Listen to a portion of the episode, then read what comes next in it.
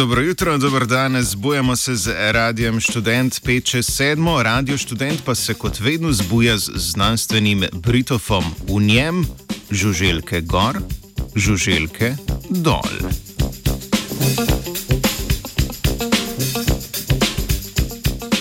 Žuželke, skupina šestnogih, praviloma letečih živali, predstavljajo okrog tri četrtine vseh trenutno opisanih živalskih vrst.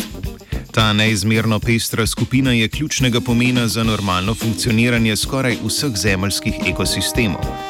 Insekti so med drugim opraševalci rastlin, razkrojevalci odmrle organske snovi in hrana številnim drugim živalim. Kljub njihovi številčnosti in splošni razširjenosti, pa mnoge raziskave kažejo na upadanje njihovih lokalnih gostot.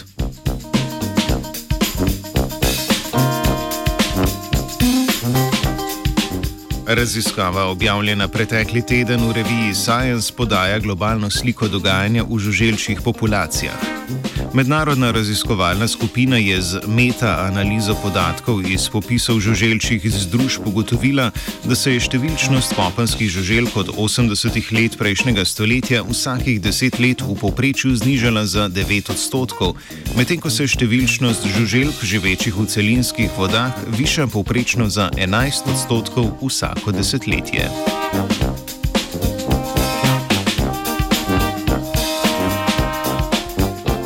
Kot glavni razlog za nižanje lokalnih gostot kopenskih žuželk avtori raziskave navajajo urbanizacijo in z njo povezano fragmentacijo okolja ter svetlobno in kemično onesnaženje.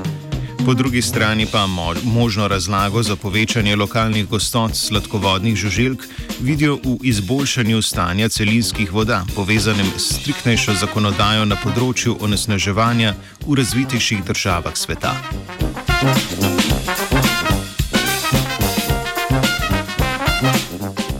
Predstavljeno raziskavo so vključili podatke iz 166 popisov žuželčjih združb, opravljenih na 1700 lokacijah po vsem svetu.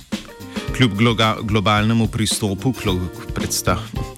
Kljub globalnemu pristopu k predstavljenemu problemu se večina lokacij, vključenih v študijo, nahaja v Evropi in Severni Ameriki, kar pomeni, da predstavljeni trendi slabše odražajo dogajanje v ostalih delih sveta. Prav tam pa je narava najbolj podvržena človeškim pritiskom, ki poganjajo izginjanje žuželk.